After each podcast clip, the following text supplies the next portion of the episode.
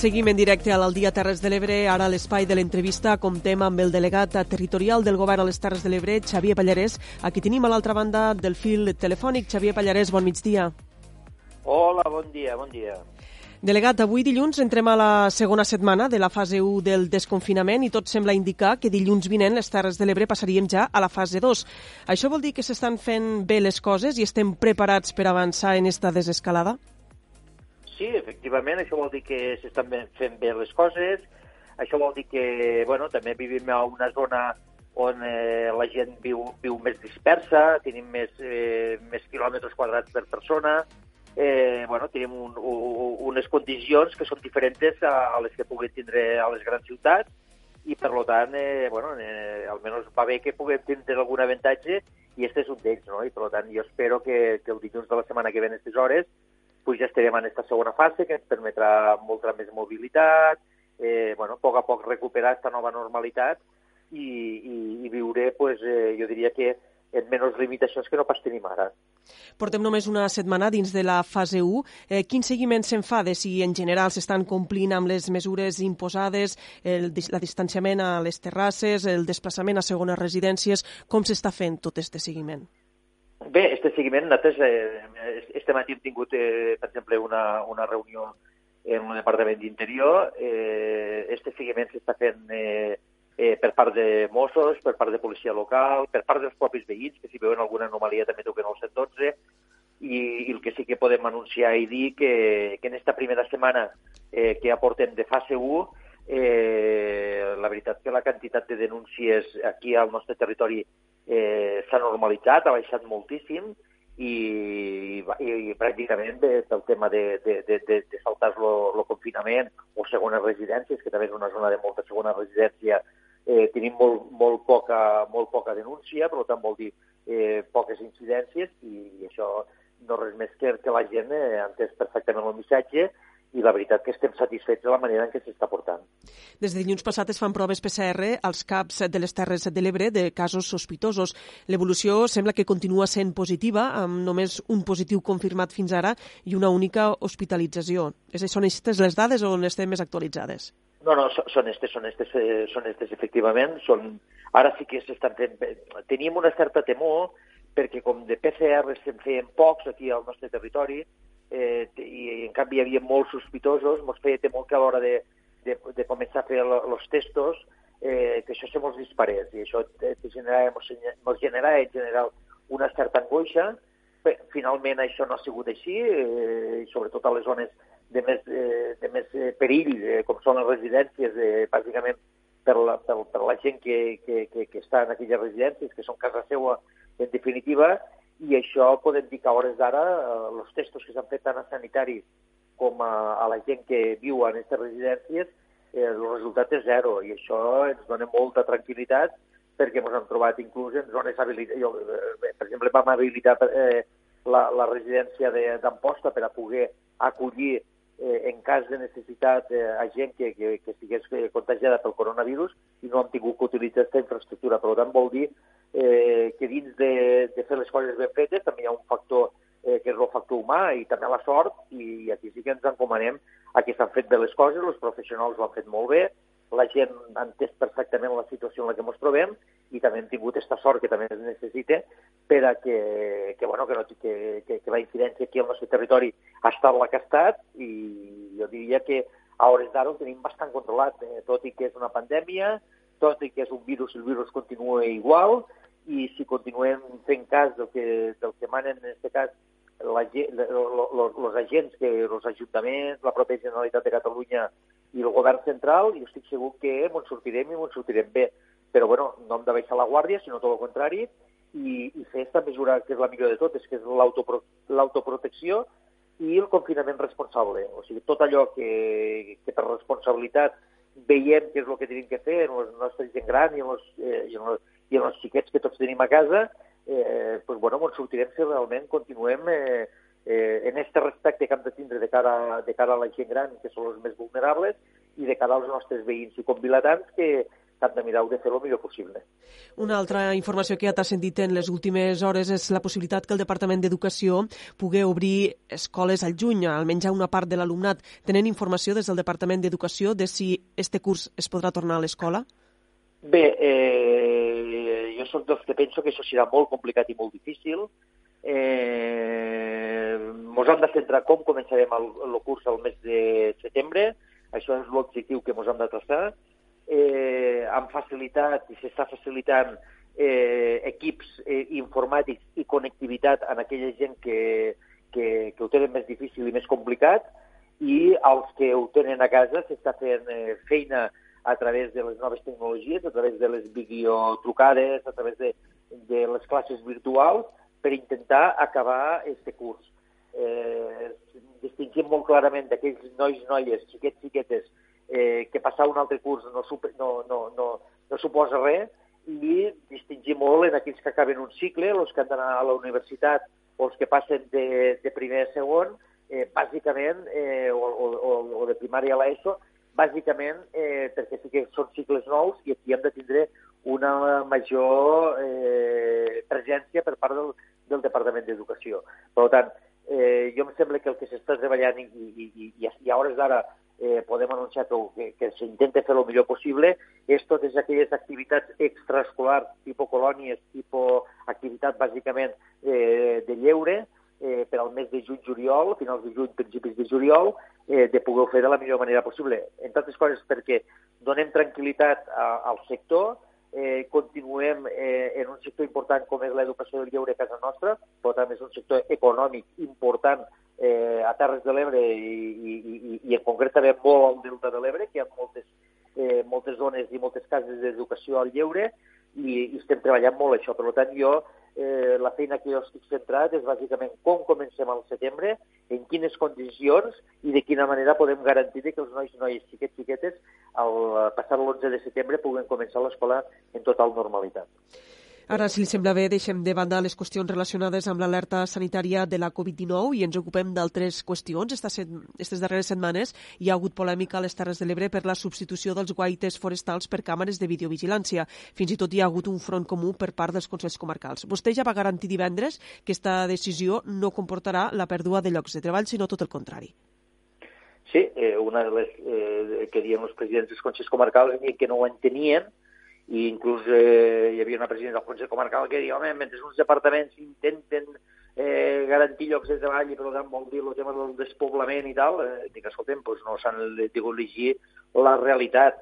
A veure, això és un acord de govern, per tant, eh, vol dir dels socis de govern, dels dos socis de govern, cosa que ja m'estranya que els presidents dels Consells Comarcals facin aquestes asseveracions. Això es va aprovar en acord de govern el dia, eh, el dia 20 d'abril, eh, en base a, un, a, a dos estudis. Un estudi presentat per bombers de la Generalitat de Catalunya, que diria, escolti, la feina dels guaites eh, veiem de que pot ser suplida per aquestes noves tecnologies,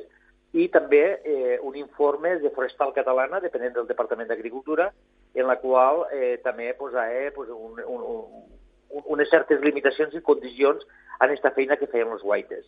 El departament, en aquest cas eh, d'Interior, va dir, escolta'm, pues, si tinc aquests dos informes, eh, evidentment, prescindim dels guaites, de, de, del guaita com a figura. I eh, intentarem que aquestes, aquestes 18 persones a nivell de país recol·locar-les eh, dintre del que és l'administració. Per tant, vol dir que si ara tenen un, un contracte fix o discontinu de 3 mesos, passarien a formar part, en aquest cas, de la plantilla de la Generalitat de Catalunya eh, eh, de, a feina de 12 mesos. I que, quina feina és la que se'ls encomana? eh, la, la, la, la, la de la prevenció d'incendis. La prevenció d'incendis que és la neteja del sotabosc. Per tant, substituïm el guaita, que vol dir estar sentat eh, mirant eh, si realment hi ha una columna de fum, que és una feina que han fet, i per tant no sigui jo qui,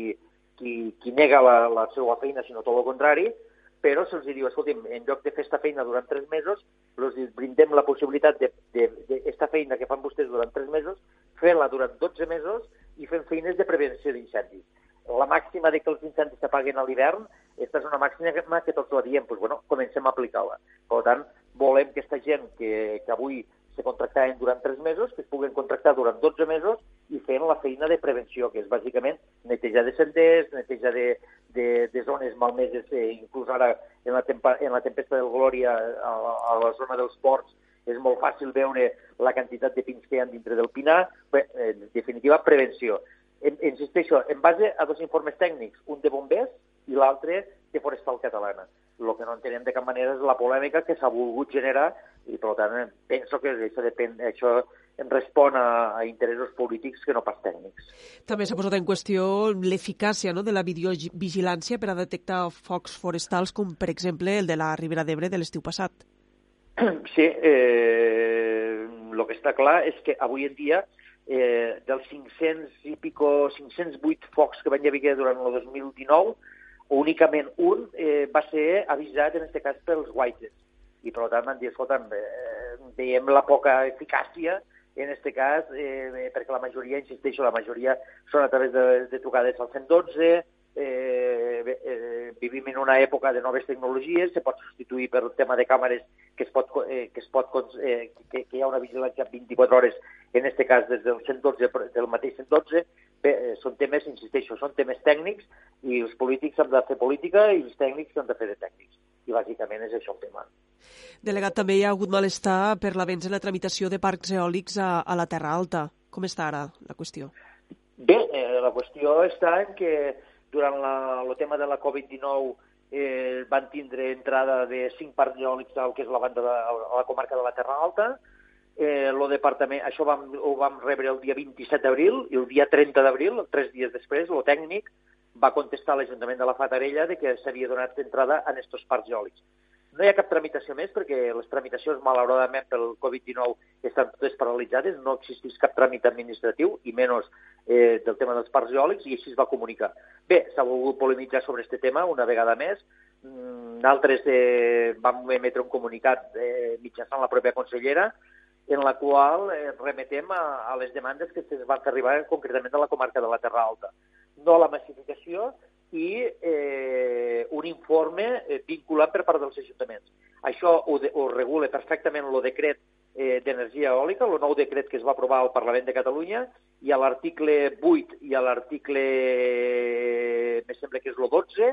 se recull perfectament. L'article 8 parla de que no es podran instal·lar eh, parcs eòlics en zones on hi havia massificació, cas de la Terra Alta, i eh, a l'article 12 parla que abans d'anar a la comissió ambiental se requerirà un informe per part de l'Ajuntament, que no vol ser altra cosa que l'Ajuntament digui mitjançant un ple eh, que no estan d'acord en la instal·lació d'un parc eòlic per les raons que l'Ajuntament cregui convenients. I això s'irà determinant. Bé, això és el que recull eh,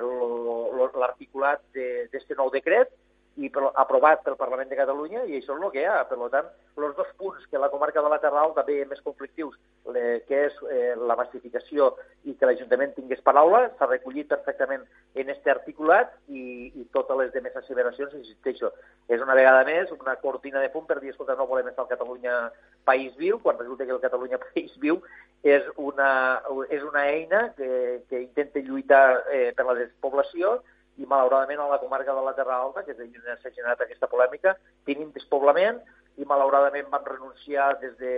fa un any a, a un FEDER que valia eh, al voltant d'un milió quatre-cents mil euros i ara ens falta que renunciem al Catalunya País Viu jo diria que no estem en món de renúncia, sinó tot el contrari. El que hem de fer és apostar pel diàleg i per intentar fer les coses de la millor manera possible. Si li sembla, anem ara al Delta de l'Ebre. La setmana passada, des de la taula de consens, van demanar la implementació d'un sistema de dragues al Delta per a lluitar contra la regressió i dur a terme algunes de les accions del Pla Delta. La seva és una de les veus que s'hi van mostrar a favor de la implementació d'aquest sistema de dragues. Correcte, eh, perquè és una... A diferència del que, del, del que parlàvem ara de la Terra Alta, això sí que és una proposta en, en ferm i en positiu, de dir, escolta'm, tenim un problema, comencem a actuar, perquè mentre estem parlant, continuem parlant i no actuem. I aquí ens hem de ficar tots les piles. El primer, el govern, eh, insisteixo, però també el govern de l'Estat. Eh, això és una competència estatal. La Generalitat de Catalunya, quan té competències eh, eh, les té que executar i quan són de l'Estat, en aquest cas és de l'Estat, la té que executar i la Generalitat el que han de fer aquí és fer costat. Per tant, jo en aquest cas, com màxim eh, responsable de, de la Generalitat aquí al territori, ràpid me vaig sumar a, a, a, aquesta proposta, bàsicament perquè ve del que vostè diu molt bé, del consens. bàsicament perquè també hi ha un informe tècnic al darrere que avale esta draga. I després, a la gent que som de terra endins i que, i que ho veiem eh, i hem d'escoltar molt els tècnics, perquè la veritat, eh, el nostre coneixement és a través dels propis tècnics, ens diuen, escolta, no, perquè la draga seria una actuació imminent, eh, que vol dir que ho començaríem a posar de manera immediata i, i els resultats els començaríem a veure, i al mateix temps és un, és una, és un element, això de la draga, que se'n beneficiaria tota la costa. Eh, no sé, allò que dir, escolta, és que comencem a fer una actuació al Trabucador, que és un dels llocs més malmesos, i resulta que a la zona de, jo què sé, de, de, de, de, dels bascos de Deltebre, eh, allí se veuen perjudicats. No, el tema de la draga és una cosa que eh, se'n beneficiaria tot el que és eh, tot el litoral i, per tant, tots els pobles del consens, tots ho veuen bé, eh, tots els partits polítics que formen part d'esta taula de consens ho veuen bé, per tant, l'única eh, feina que tenim, en aquest cas l'Estat central i la pròpia Generalitat de Catalunya, és posar el llacet al tema i, i, i alinear-nos al costat de, del que ens demanen. Jo aquí eh, m'hi vaig sumar ràpidament perquè vaig tenir l'oportunitat de parlar amb el conseller Calvet, eh, estem totalment d'acord, eh, esperem que la reunió que se'ns convocarà o que ja s'ha convocat per al dia 27, si no recordo malament, eh, poguérem eh, començar a, a, a, a posar fil a l'agulla i aquesta draga, que insisteixo, que tothom ho veu bé i el govern de la Generalitat també ho ha de veure bé i ho veiem bé, la poguerem adquirir de la millor manera possible i ràpidament. Tenim uns nous pressupostos a la Generalitat, l'Estat també està disposat a col·laborar i a treballar, eh, posem-nos-hi i almenys no parlarem tant i, i d'una vegada per totes aquesta draga la tinguem a disposició perquè par mentre parlem i discutim i no ens posem d'acord, eh, la Glòria va fer la malmesa que va fer,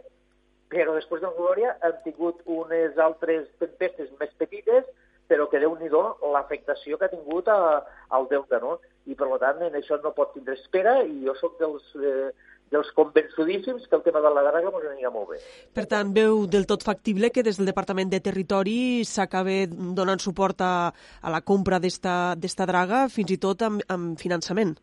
no només amb els Espero... permisos espero, desitjo i estic molt il·lusionat en que així sigui. I estic segur que entre tots ens sortirem. Eh, jo sé que al conseller ja li han arribat diversos inputs per diverses vies i estem disposats, evidentment, faltaria més, a, a la col·laboració d'aquest projecte eh, que pot eh, ser ja el primer pas d'esta taula de consens, que insisteixo que ens vam reunir a Sant Jaume d'Enveja, ja no recordo quan, però fa molt de temps, eh, que hem continuat passant eh, tempestes i, i la veritat que ara ha arribat l'hora ja de veure obres. Ja, ja, ja, ja arriba un moment que la gent, de, al final, eh, tu pots parlar, parlar, parlar, parlar, però arriba un moment que, que ostres, hem d'actuar. I jo em sembla que el tema de la draga és una molt bona pensada, és una molt bona decisió, i, ostres, a mi jo hi tinc, hi tinc, hi tinc il·lusió de que finalment això es pugui tirar endavant. Penso que és una bona decisió. Serà una manera de reactivar les inversions al Delta, perquè sí que és cert que després del temporal Glòria, fins i tot va estar aquí el president Torra, doncs sembla que totes les administracions s'havien alineat per una vegada per totes invertir al Delta i frenar esta, esta regressió, però sembla que tot això, amb la pandèmia, amb l'alerta sanitària de la Covid-19, havia, havia quedat tot una mica aturat. Sí, això també, i, i, i té la seva lògica, eh? perquè quan, quan va saltar la pandèmia, eh, quan ens hem trobat en, en la paràlisi que han tingut el país, eh, les administracions, existeixen totalment eh, tancades a pany i forrellat, eh, els metges treballant als hospitals i els consultoris locals tancats. Bé, han viscut una, una situació que, que ve de pel·lícula de, de, de, de Netflix. Eh, no ens pensàvem mai a la vida que això eh, passaria, per tant, el tema del coronavirus ha passat per davant de tothom i això eh, han de ser conscients que ens ha, que ens ha, que ens ha, ha marcat l'agenda, que, que, que, que ha fet inclús i continuarà fent variar molts de pressupostos de tant del govern central com de la pròpia Generalitat i com veiem també dels propis ajuntaments. Els ajuntaments també estan prenent mesures eh, per, a, per estar al costat de la petita mitjana empresa, dels autònoms, i, i, i evidentment, eh, clar, tot això ha passat i això passarà i això s'està prenent mesura. Però eh, les coses s'han de ficar al puesto i ara ja poquet a poquet, quan estem parlant i veient de que, de que en aquesta nova normalitat que, que ens està portant esta, esta nova situació, eh, pues bueno, també hi ha una, una realitat que és el que estem perdent cada vegada que hi ha una tempesta, el que passa al Delta de l'Ebre que, no, que, que no és normal, i el que hem de fer que les administracions és actuar. Per tant, des d'aquest punt de vista. Jo, jo estic segur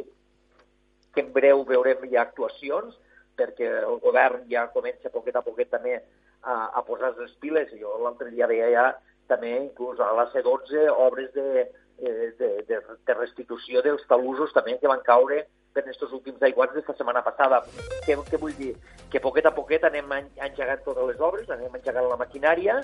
i eh, el tema de, del Delta està avui, jo diria, a un, a un lloc eh, privilegiat dintre de les necessitats eh, del territori i també de les, les, necessitats del propi govern de la Generalitat, perquè hi ha molts alcaldes aquí a, al Delta de l'Ebre, començant per l'alcalde d'Ebre, que estan cada dia trucant i manxant en aquest tema perquè, perquè tenen la pressió dels seus eh, eh convilatants i ciutadans, i també el delegat del govern, en aquest cas jo mateix, que tenir l'oportunitat també de veure totes aquestes eh, situacions que s'estan passant. Avui dia, mitjançant les xarxes socials, eh, veus cada, cada cosa, que nosaltres la barra del trabucador en aquest temps, eh, veure-la de la manera que la veus, eh, home, te fa reflexionar i molt, i jo estic segur que bon sortirem, eh, perquè, insisteixo, la necessitat i el, i el compromís per part del govern de la Generalitat és eh, tot i, i radicalment a favor del que digui la taula de consens i en això estem.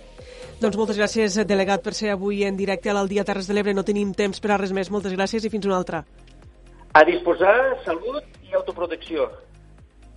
Moltes gràcies, Xavier Pallarès. Amb l'entrevista al delegat del govern arribem al final d'esta primera hora. Ens retrobem en uns minuts a la segona hora de l'Aldia Terres de l'Ebre amb més continguts.